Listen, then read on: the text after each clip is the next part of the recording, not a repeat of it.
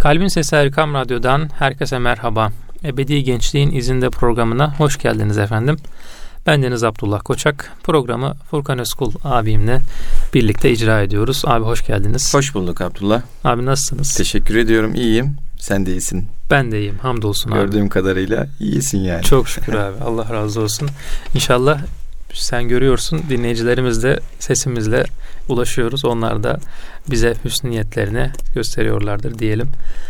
Bizim onlara karşı çünkü bir hüsnü zannımız var yani. Biz dinliyorlar, anlıyorlar. Böyle bir hep söylüyorsun ya. Beraberce hasbihal ediyoruz, Evet. konuşuyoruz, sohbet ediyoruz. Yorumlarıyla gerek sosyal medyadan gerekse erkamradyo.com'dan Evet, evet.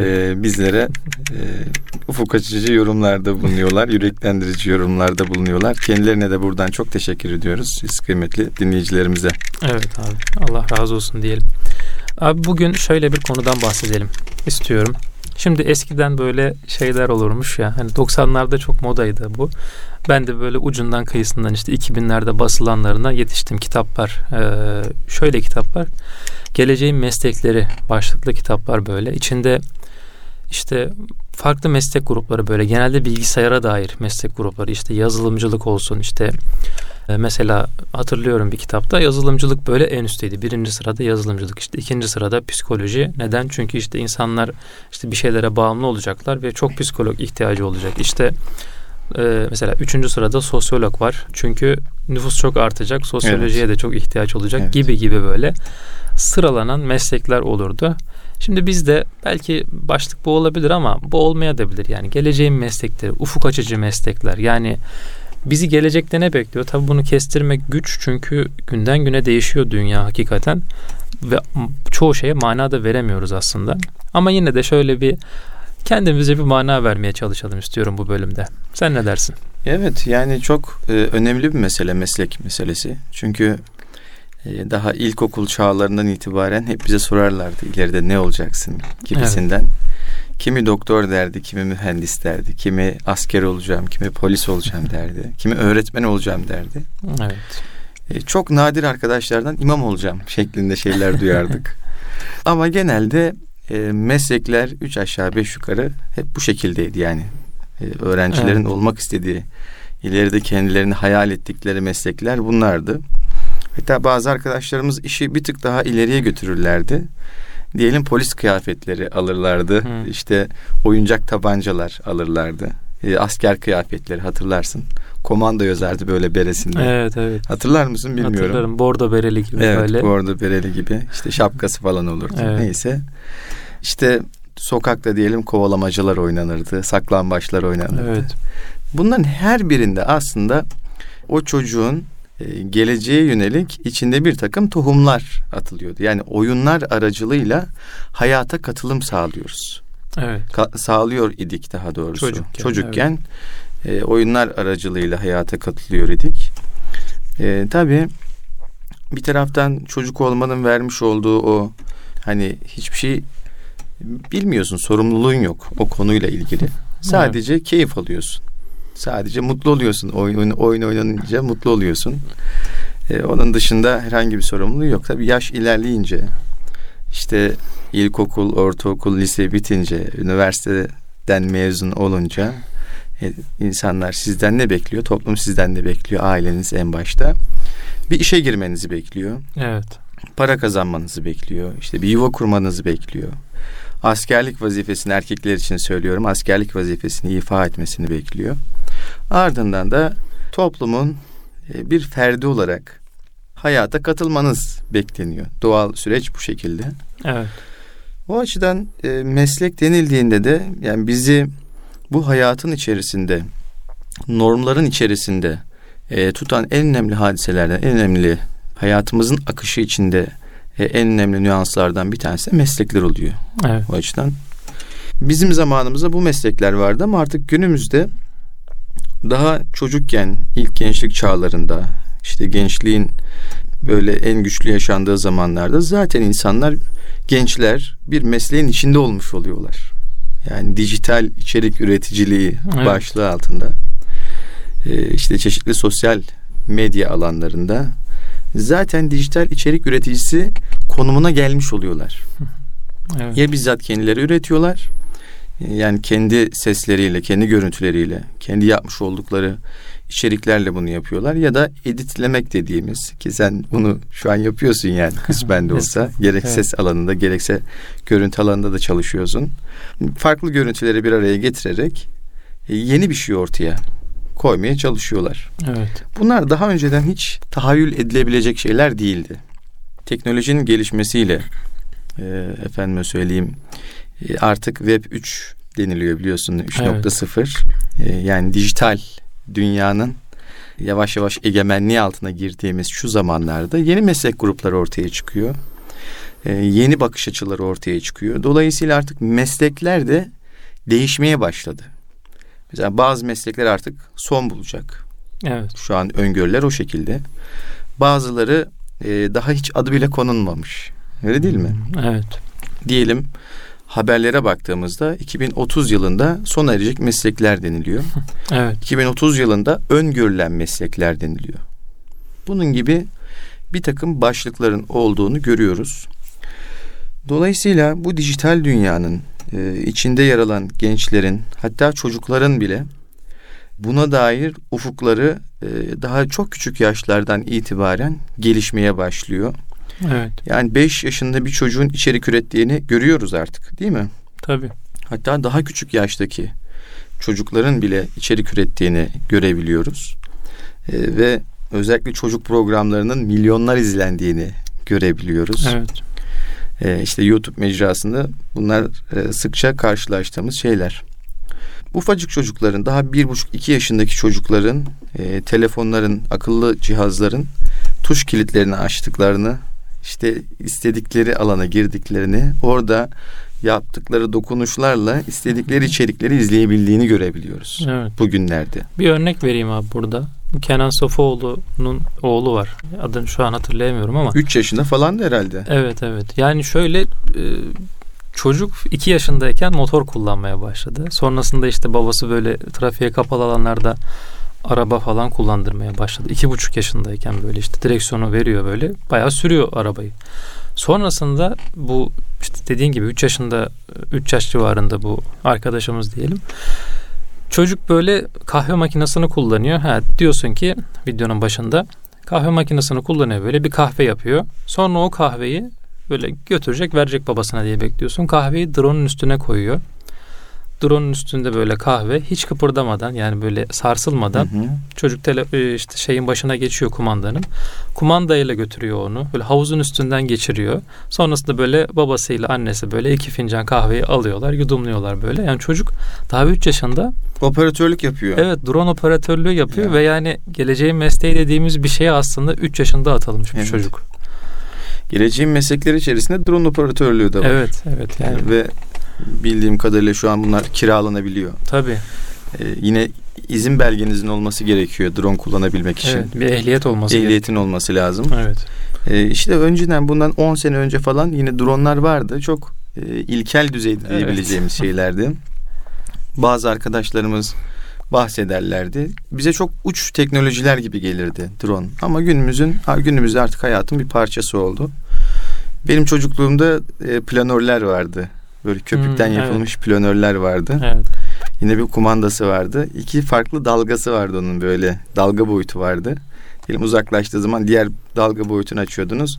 O e, biraz daha uzaklarda hmm. gezebiliyordu. Çok iyi. Tabii çocukken bunlar vardı evet. ama herhangi bir kamerası yoktu onun. Tabii. Yani o kamera üstünden herhangi bir çekim yapılamıyordu. Bugün dronlar aracılığıyla çok ilginç çekimler yapılabiliyor. Evet. Farklı enstantaneler yakalanabiliyor. E, farklı açılardan e, daha zengin e, sunumlar yapılabiliyor. Evet. Videolar bağlamında konuşuyorum. Dolayısıyla bu teknoloji aslında yeni bir meslek dalı olmakla birlikte hayata da bir zenginlik katmış oluyor evet. oldu. Yani onu ifade edelim. Yeni meslekler hayatın doğal koşullarına göre yani doğal akışına bir takım zenginlikler katıyor ve aynı zamanda iş alanları oluşturuyor. Ve böylelikle hayat aslında değişiyor. Bir dönüşüme evet. uğruyor. Yani içinde bulunduğumuz dünya bir değişime uğruyor. Daha önceki programlarımızda bahsetmiştim diye hatırlıyorum ama önceden mesela dünyada bin yılda bir değişimler oluyordu. Büyük değişimler oluyordu. Hmm, evet. Yani bahsetmiştim diye hatırlıyorum. İşte sanayi devrimi yine bunlardan e, en büyüklerinden bir tanesi. Sanayi devriminden sonra tekniğin gelişmesiyle birlikte diyelim bunlar 100 seneye düştü. E, şimdi bilimsel gelişmelerin e, ışığında ortaya çıkan teknolojilerle 10 seneye düştü bu kırılmalar. Evet. evet. Artık günümüzde neredeyse her sene yeni bir yenilikle yani sanki çağımızı etkileyecek daha farklı te- teknolojilerin hayatımıza girdiğini görüyoruz. Evet. Bugün sen şimdi drone'dan örnek verince örneğin Çin'de 5G teknolojisiyle e, uzaktan ameliyat yaptılar. Allah Allah. Yani hastayı hiç görmeden e, doktorların kimi işte bir yerde, kimi başka bir yerde ancak önlerindeki cihazlarla ameliyat ettiler hastayı. Allah. Şimdi teknoloji büyük kolaylık getiriyor bir taraftan ama bir taraftan büyük yıkımlar da getirebiliyor. Evet. Özellikle askeri sahada e, yaşanan gelişmeler ki bunu 2. Dünya Savaşı'nın en en bariz örneğidir değil mi? Evet. Yani atom bombası diye bir şey hiç o zamana kadar bilinmiyordu. Ancak o zaman 2. Dünya Savaşı'nın sonlarına doğru bulunan atom bombası e, büyük bir yıkıma yol açmıştı. Dolayısıyla teknolojinin etik boyutu tartışılır. Nereye kadar olmalı? Nasıl olmalı? acaba sadece insanların hayatlarını kolaylaştırıyor mu? E, bunların hepsi sorgulanır ki şu an biliyorsun yapay zekadan bahsediliyor. Evet. Yapay zeka da e, geleceğin mesleklerini oldukça belirleyen e, bir şey olacak. Ve nereye doğru evrileceğiyle alakalı da bilim adamları, sosyologlar, düşünürler, o teknolojinin öncüler arasında ciddi bir fikir ayrımı var. Evet. Kimisi diyor ki yapay zeka insanların hayatını çok kolaylaştıracak. Kimileri de diyor ki yapay zeka insanların hayatı hayatını yani insanlar için bir kıyamet anlamına geliyor diyorlar. Yani insanlığın sonunu getirecek diyenler de var. Bu aslında bir Matrix çok gibi değil mi? spekülatif bir şey. Evet yani. Yani bir yapay zeka algoritmalar var. Önceden algoritmalarını yazıyorlardı. Yapay zeka diyelim ki e, kullanılan cihaz ona göre hareket ediyordu. Evet. Ama yapay zekanın kendini geliştirme özellikleri var. Öğreniyor. Öğreniyor. Evet. E, kendi tavrını belirliyor. Hani insanı insan yapan öz neyse aslında onun içerisine de bir yapay öz konulmuş oluyor. Hmm. Dolayısıyla kendi kendini belirleyebilir olmak bu bağlamda onu diğer önceki yıllarda ortaya çıkan cihazlardan ayırıyor. Evet. O açıdan önemli. Tabii önümüzdeki yıllar bunları gösterecek. Şimdi Metaverse denilen bir işte evren kuruldu biliyorsun. Evet. Ee, orada insanlar yerler satın almaya başladılar. Gözünüze geçirdiğiniz bir gözlükle bir anda farklı bir alemde sosyalleşebiliyorsunuz. Konserlere katılabiliyorsunuz. Sokaklarda yürüyebiliyorsunuz. Alışveriş yapabiliyorsunuz. Bunun da ilk örneği Avusturya'da e, gerçekleşti. Yapay zeka ile alışveriş yaptılar marketten. Hmm. Yani geziyorsun markette, standtan diyelim süt alıyorsun işte diyelim başka şeyler alıyorsun. Ama markette değilsin. Markette yani. değilsin. Evdesin. Mesela. Evdesin. Tabii onlar kapına ha. geliyor. Evet. Ama yani o gözlüğü takınca o marketin içerisinde geziyorsun. Anladım. Yine Kore'de, Güney Kore'de e, bir anne çocuğunu kaybetmiş. Yapay zeka ile çocuğunu e, konuşturdular. İşte çocuğunu gösteriyorlar. O anne ağlıyor. Hmm, evet. E, o çocuk işte anne anne diyor diyelim. Hatırladım. Yani çok tamam. böyle acıklı bir sahneydi. Evet, evet. Ama bunlar önümüzdeki yıllarda daha da gerçekçi hale gelecek. Tabii. Şimdiden başladı aslında Metaverse'ün içerisinde polislerin olacağı. İşte oranın kendine göre bir düzeninin, bir hukukunun olacağı. Allah. Orayı düzenleyecek de bir e, kesimin olacağı ile ilgili e, şimdiden e, yeni meslek gruplarının işte metaverse uzmanlarının olacağı önümüzdeki yıllarda konuşuluyor şu, şu an. Evet. E, bunun dışında işte az önce söylemiştik video içeriği üretmek, işte podcast içerikleri üretmek. Ya bunlar şu an diyelim ki podcast çok fazla bir gelir getirmese de işte video içerikleri çok gelir getiriyor. Evet. Dolayısıyla animasyon, kurgu, montaj, efendime söyleyeyim seslendirme ve metin yazarlığı geleceğin meslekleri arasında. Evet. Kesinlikle. Hani klasik meslekler var Abdullah bir de yenilikçi meslekler ortaya çıktı. Yani evet. yeni çağın meslekleri ortaya çıktı. Önceden şiir yazmak güzel bir şeydi. Sizin romantik olduğunuzu gösterirdi. İşte güzel bir yazı yazmak sizin becerikli olduğunuzu gösterirdi. Güzel bir kompozisyon yazıyorsanız işte iki kredilik kompozisyon dersinde e, sizin yüksek not almanızı e, yıl sonu ortalamanızda çok fazla bir etkide bulunmayan bir anlama geliyordu aslında. Yani evet, evet. E, kısmen boş ders demeyeyim ama çok çok önemsenen de bir ders değildi. Tabii. Ama bugün metin yazmak önemli bir şey. Evet. Bugün bir içerik üretmek, bir kurgu yapmak, bir senaryo yazmak bunlar bugün çok önemli şeyler. Çünkü evet. yaptığınız kurguyla işte oluşturduğunuz o anlam dünyasıyla aslında milyonları etkileyebilir platformlara e, sahipsiniz. Önceden en güzel kitapları yazsanız dahi, en güzel daha doğrusu metinleri yazsanız dahi ulaşabileceğiniz araçlar belliydi. Ama günümüzde çok rahat bir şekilde yazdığınız şeyi paylaşabilir, paylaştığınız şeylerden anlık reaksiyonlar alabilirsiniz. Evet. Yani sosyal medya, e, sosyal mecralar 7-24 hiç durmadan sürekli içeriğin e, bombardıman şeklinde e, yağdığı, her an ulaşılabilir içeriklerin, milyonlarca içeriğin sürekli dolaşımda olduğu e, ve sürekli yeni şeylerin peşinde olan bir dünya. Sürekli gelişiyor, sürekli yenileniyor, sürekli evet. ya orada durağanlık yok. Dikkatini çekiyordur sosyal medyada. Tabii. Yani bir gördüğün video diyorsun ki bu muhteşem bir şey. Çok böyle uzun zaman revaçta olur. İnsanların evet. dikkatini çeker diye düşünüyorsun. Yok hiç de öyle olmuyor. Bir hafta sonra onun Başka e, farklı bir versiyonu çıkıyor. Evet. E, o artık güncelliğini yitiriyor. Mesela çok kısa bir zaman içerisinde insanlar meşhur oluyorlar şu an. Ama 15-20 gün sonra ya da bir ay sonra hiç kimse tanımıyor. Evet. E işte hepimiz biliyoruz yani tarih okuyoruz. İşte geçmiş yılları e, kayıtlarını izliyoruz. Doğumumuzdan sonra da zaten şahit olduk bunlara. Evet. İnsan meşhur olursa en azından birkaç sene meşhur olurdu. İnsanlar tanırdı. Günümüzde bir anda saman alevi gibi insanlar meşhur oluyorlar ve ardından bir anda yok oluyorlar. Dolayısıyla sürekli bu içerik e, üretiminin olduğu bir sahada birilerinin bir şeyler yazması, birilerinin bir şeyler üretmesi e, hem kendilerini gösterebilecekleri bir alan olması hasebiyle hem de para kazanmaları hasebiyle yeni meslek dallarının içerisinde. Tabii biz burada bir kayıt düşmemiz gerekiyor Abdullah. Kendi duygu dünyamıza, inanç dünyamıza evet. e, taalluk eden noktada.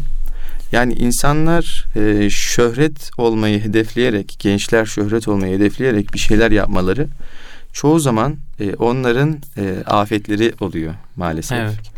Onlar büyük yıkımlar yaşayabiliyorlar.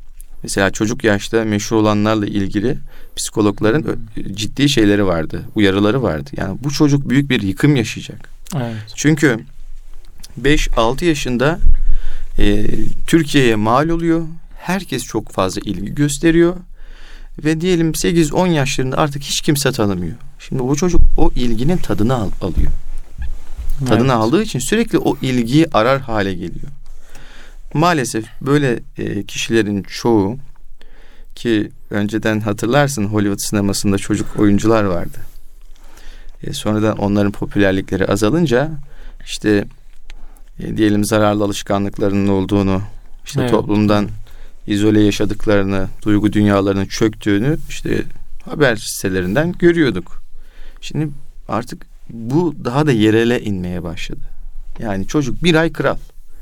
Tüm Türkiye hatta tüm dünya tanıyor. Bu hatta şey vardı abi müzik çalan bir çocuk var ya böyle kır, evet. e, org çalıyor böyle hı hı. adını hatırlayamadım yine.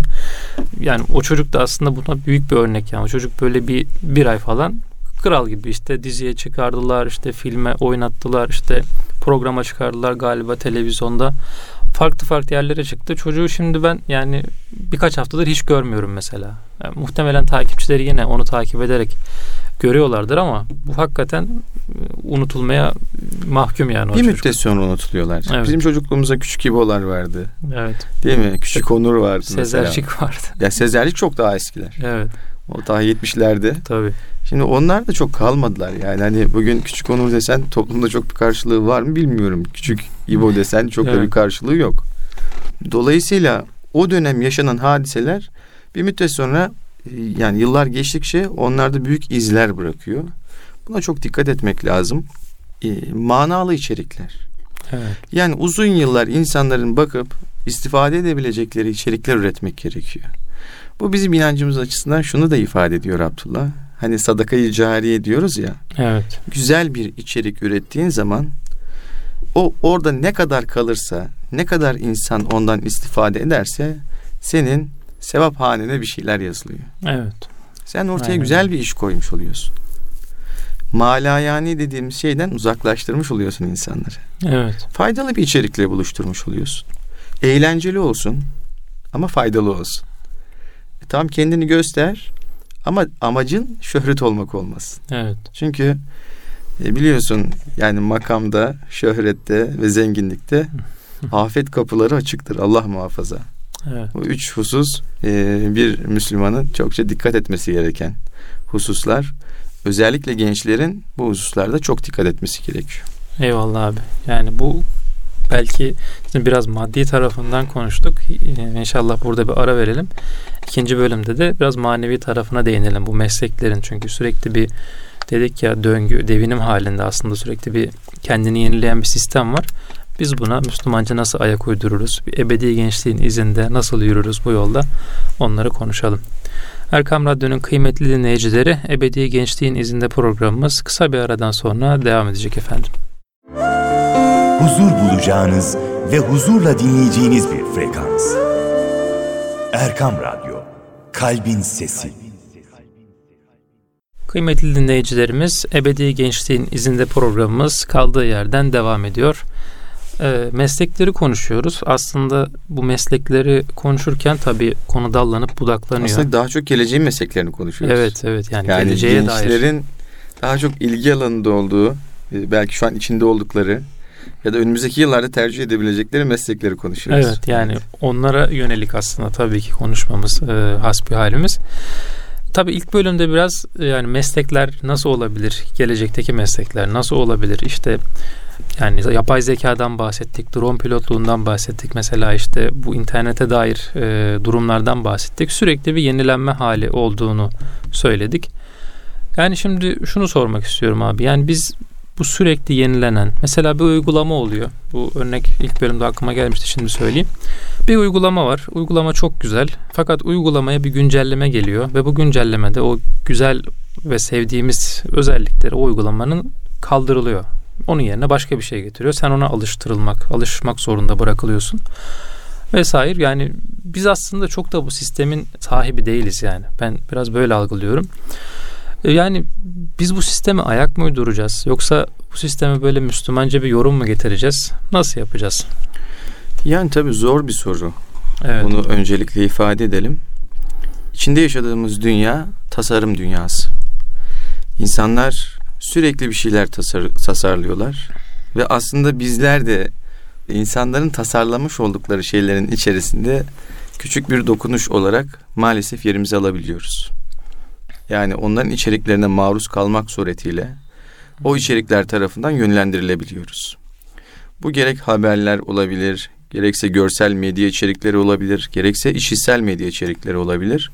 Dolayısıyla insanların tasarlamış oldukları metinlerin, tasarlamış oldukları video grafiklerin, tasarladıkları afişlerin bir parçası haline gelebiliyoruz. Evet. Bir enformasyon çağındayız. Tasarlanan bir enformasyon çağındayız. Kurgulanan bir enformasyon çağındayız. Montajlanan bir enformasyon çağındayız. Yani bizim aldığımız görüntüler, aldığımız bilgi ham bilgi olmuyor çoğu zaman. Sürekli bir editten geçiyor. Sürekli bir edisyondan geçiyor. Sürekli bir editörler aracılığıyla geçiyor. Ben şunu söyleyeyim. İşte bir süre dış haberler editörlüğü yapmıştım. Bize haberler ham şekliyle gelirdi. Yani başlığı düz bir başlık. E, spotu yok. Bütün bilgiler düz bir şekilde verir- verilirdi. Ben bunu şuna benzetirdim Abdullah. Bir terzi düşün. Terzinin önüne kumaş geliyor ve o kumaştan terzi dilediği gibi haber çıkarabilir. Şey dilediği gibi elbise çıkarabilir. Evet. Bir haberci de böyle önüne gelen o ham bilgiden, ham haberden e, dilediği gibi bir el, haber çıkarabilir. Şimdi günümüzde var olan her şey içeriğin bir parçası. O Evet. tasarımın bir parçası. O kocaman devasa bir tasarımın parçası ve aslında dünyamız e, sınırlı bir dünya değil mi? Ama dünyamızın içerisinde sınırsız içerik e, malzemesi var.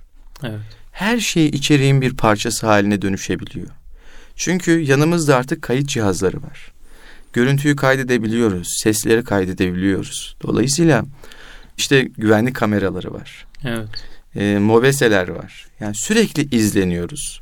Sürekli izliyoruz. Yani böyle bir dünyanın içerisindeyiz. Bir tasarımın içerisindeyiz. Aslında işte 90'larda ve 2000'lerde çıkan o distopik filmlerdeki gibi bir dünyanın içerisindeyiz. Sürekli izleniyoruz. Sürekli de izliyoruz. Evet. Böyle bir dünyanın içerisinde kaybolmamak çok zor.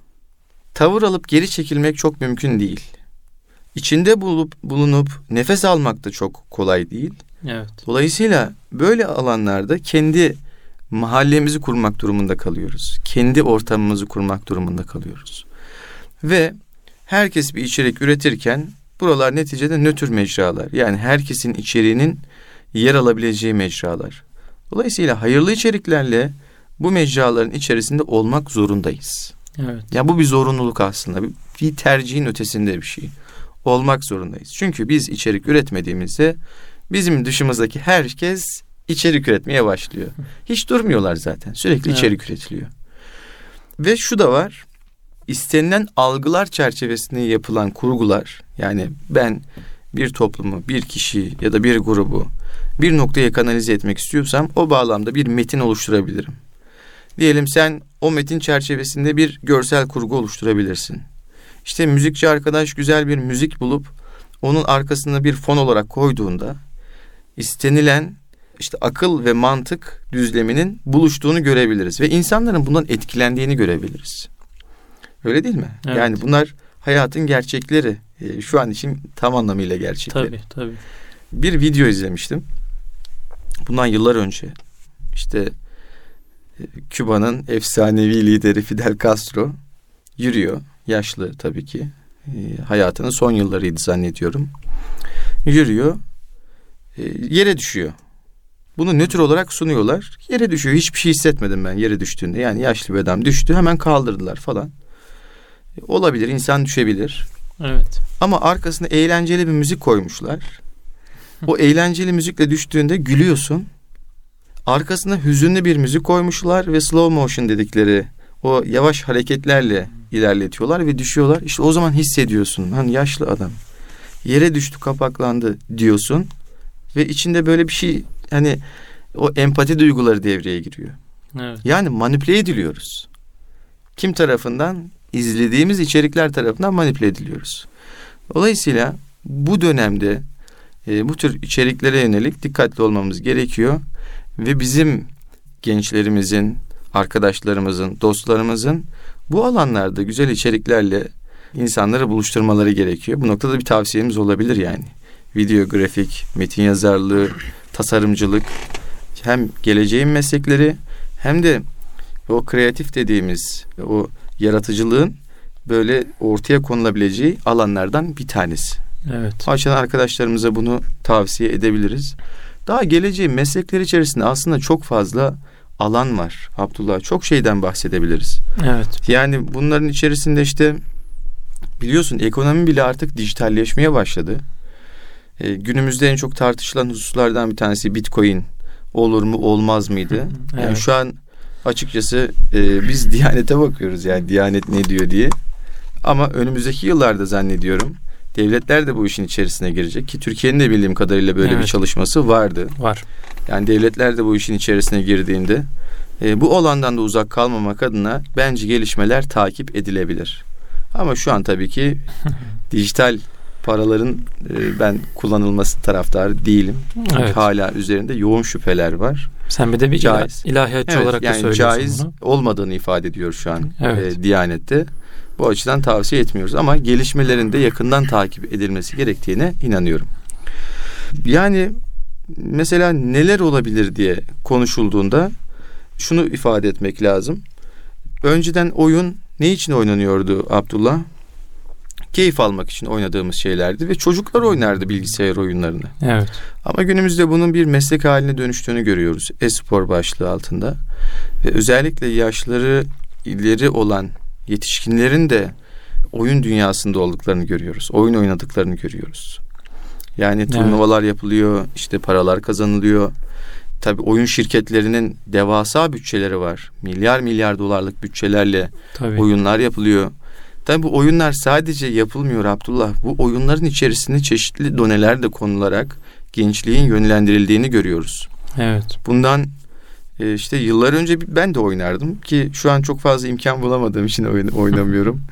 e, yoksa oynamak istiyorum da aslında yani insan rahatlıyor. Evet. E, aralıklarla da olsa e, belki hem böyle arkadaşlarınızla yapabileceğiniz güzel bir aktiviteye de dönüşebiliyor. Evet. E, bir diyelim savaş oyunu oynuyorum. Çok ilginç bir örnek bu. bu kıymetli dinleyicilerimizin de dikkatlerini vermelerini istiyorum. Oyunda e, Abdullah kiliseyi vurduğun zaman dost ateşi diyor. Seni tekrar başlatıyor. Ha. Bak çok ilginç. Dost evet. ateşi diyor. Bunu bizzat denediğim için söylüyorum. Kiliseye vurduğun zaman dost ateşi tekrar e, oyunun başına alıyorsun. Evet. E, diyelim başka bir operasyonda camiye ateş edildiğinde Abdullah seni oyunun başına almıyor. Hmm. Yani oyunda şöyle bir mesaj var. Diyor ki kilise dostumuzdur, cami düşmanımızdır diyor. Evet. Anlatabiliyor muyum? Evet. Ve operasyonun yapılmış olduğu yer aslında bir İslam coğrafyası. Hmm. Operasyonun yapılmış olduğu oyunda operasyonun yapıldığı yer bir İslam coğrafyası. Orada sivil yani birçok insan yani oyun kurgusu içerisinde yer alıyor. Her taraf harap olmuş. İnsanlar kaçışıyor örnek veriyorum. Birçok şey yaşanıyor. Ama sende olumsuz yani acıyacağın hiçbir duygu oluşmuyor. Evet. Ama diyelim Hristiyanların yaşadığı işte kiliselerin olduğu bir yerde bir operasyon yapıyorsan çok dikkatli olman gerekiyor. Evet.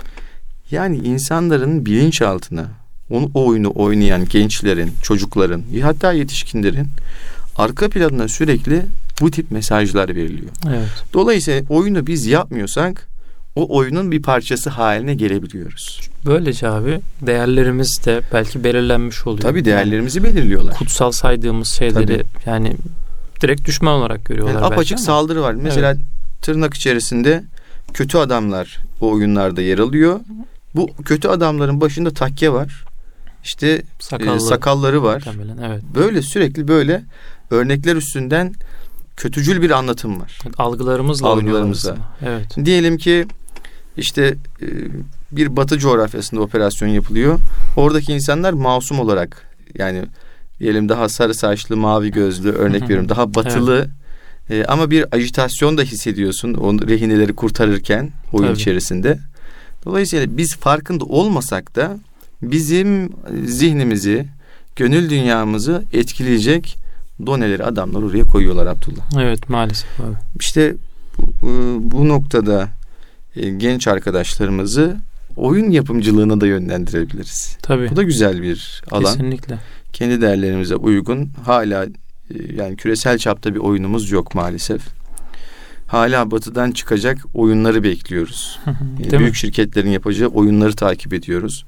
Onun 2022'si çıktı. 2023'ü ne zaman çıkacak diye bekliyoruz. Evet. Ve böylece aslında o anlam dünyasının içerisinde e, gitgide eziliyoruz. Daha söylenecek daha çok farklı meslek grupları var. E, onlardan da bahsetmek gerekir belki ama diyelim e, işte nanoteknoloji diyor diyoruz değil mi şimdi? Evet. Yani gözle göremediğimiz teknolojik parçacıklar hayatı Tabii. artık daha fazla etki etmeye başlıyorlar. E, giyimden işte sağlığa, efendime söyleyeyim teknolojiden farklı alanlara kadar e, işte o nano partiküllerin Tabii. E, etkisini görebiliyoruz artık. Çok basit bir örnek vereyim abi. Bu nanoteknoloji nerede diye soracak olursa dinleyicilerimiz telefonda var. Telefonda her şu anki her akıllı telefonda bir nanoteknoloji evet. mevcut yani. Bu şey ekran tarafında değil evet, mi? Evet hem ekran hem de işlemci tarafı. İşlemci tarafı. İşlemci evet. dediğimiz şey tamamen nanoteknolojiyle üretilen evet. bir kısım. Yani abi bu teknolojiler hakikaten güzel. Hayırda kullanılırsa çok daha güzel tabii ki. Yani asıl e, bizim burada vermek istediğimiz mesaj, belki o. Yani bu teknolojilerin hayırda kullanılması, iyilik yolunda kullanılması, tabii ki İslam yolunda kullanılması bizim burada vermek istediğimiz asıl mesajı içeriyor. Hem e, güzel işler yapmak, evet. e, bu mesleklerden güzel paralar kazanmak, hem de insanlığa e, güzel çalışmalar sunmak mümkün diyoruz. Ve genç arkadaşlarımızı bu yenilikçi, girişimci meslekleri aslında bir yönüyle yönlendiriyoruz. Evet abi. Allah razı olsun abi. Güzel oldu. Ee, yani faydalı da bir program olduğunu düşünüyorum. Tabii biz genelde programımızın e, içeriği belki manevi konular, böyle daha uhrevi meseleler oluyor. Fakat böyle hakikaten gerçek hayattan e, yani tamamıyla gerçek hayat gibi gözükse de aslında manevi tarafı da ağır basan e, konularında konuşulması, gündem edilmesi gerektiği taraftarıyız. Aslında madde manada ayrı değil ki. Tabii yaptığımız ki. maddi olarak yaptığımız her şey bir mana taşıyor. Evet. Yani su içerken bile besmele çekiyoruz. Üç yudum da içiyoruz. Örnek veriyorum. Evet. Yani maddi bir iş yapıyoruz normalde. Ama onda bir mana katıyoruz. Evet. Yaptığımız her şey, maddi Kesinlikle. olan her şeyin bir manası var. O minvalde düşünmek lazım. Yani yaptığımız mesleğin de tabii ki bizi önce, bizi evet. mutlu etmesi, öncelikle Allah rızası için olması, sonrasında bizi mutlu etmesi o mesleği tam anlamıyla layıkıyla yapabilme, yapmamızı kolaylaştıracaktır diyelim. Erkam Radyo'nun kıymetli dinleyicileri Ebedi Gençliğin izinde programımız burada sona erdi. Haftaya görüşünceye dek sağlıcakla kalın. Allah'a emanet olun efendim.